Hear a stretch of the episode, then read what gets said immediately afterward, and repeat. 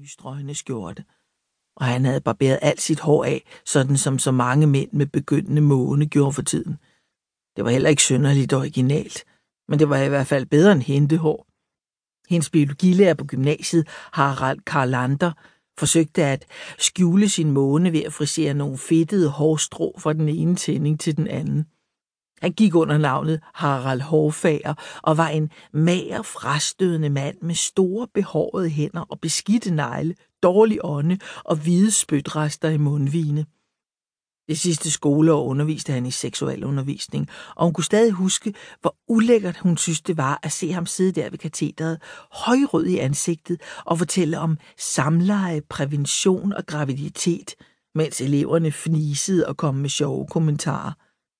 Alle, inklusiv hende selv, tog for givet, at han var jomfru. Hun synes, det var enormt synd for ham, men det tog hun ikke fortælle til nogen. I stedet for gjorde hun som alle andre, grinede af ham.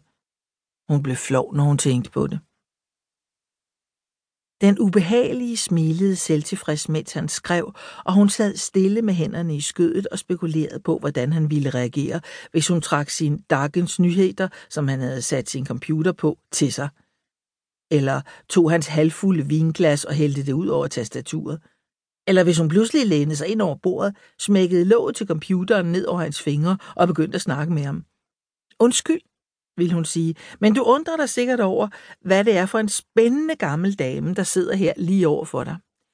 Jeg hedder Mona Hetman. Jeg er 64 år gammel, har arbejdet som engelsklærer i næsten 40 år og blev pensioneret sidste år.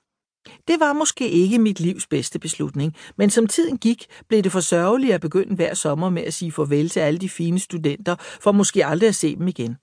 Men nok om det. Nu er jeg på vej til Kastrup. Jeg skal til Mallorca med min søster Barbro. Hun og jeg har ikke haft så meget kontakt gennem årene. Vi er meget forskellige, og vi kommer tit op og skændes, når vi ses. Det var hendes idé, at vi skulle tage den her tur sammen, for at lære hinanden lidt bedre at kende. Hvis jeg skal være helt ærlig, så har jeg slet ikke lyst til at tage til Mallorca, og slet ikke med hende. Hun kan være ret bestemt og stedig, og kritisk og arrogant, vil man nok godt kunne sige. Hun ser gerne ned på andre mennesker, men har meget høje tanker om sig selv og sin egen familie. Hun er gift med en læge, som hedder Gustav Walter. Han kommer fra en meget fin familie, det skal du vide. Der er ikke andet end professorer og overlæger, så langt øjet rækker. Og hun har fire helt fantastiske børn. Sigge. Han er også læge og gift med en italiener, der har et galleri i Malmø. De har to helt forfærdeligt søde børn. Og så er der Lisa, som er udbrændt psykolog, og William, der lå som om han læste kunsthistorie. Og så lille Slattis. Ja, han hedder egentlig Jonas, men de kalder ham stadig Slattis, selvom han snart er 15 år.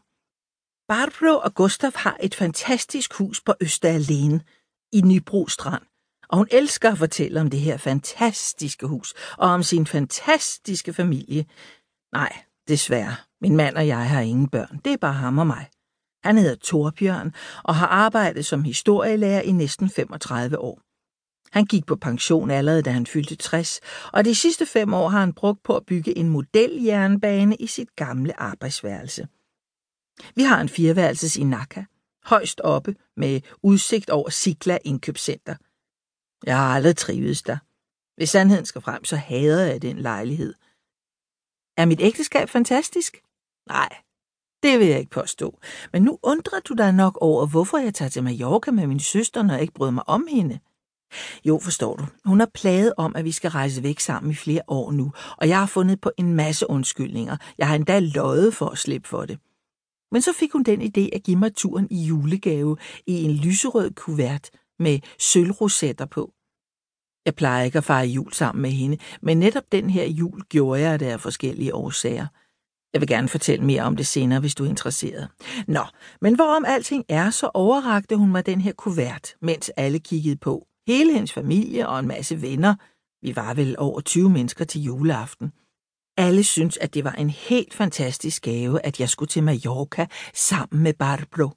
Nej, hvor er det generøst og betænksomt af hende. Hvad skulle jeg gøre? Der var ikke andet for end at sige tak og prøve at se glad ud, som du nok kan forstå.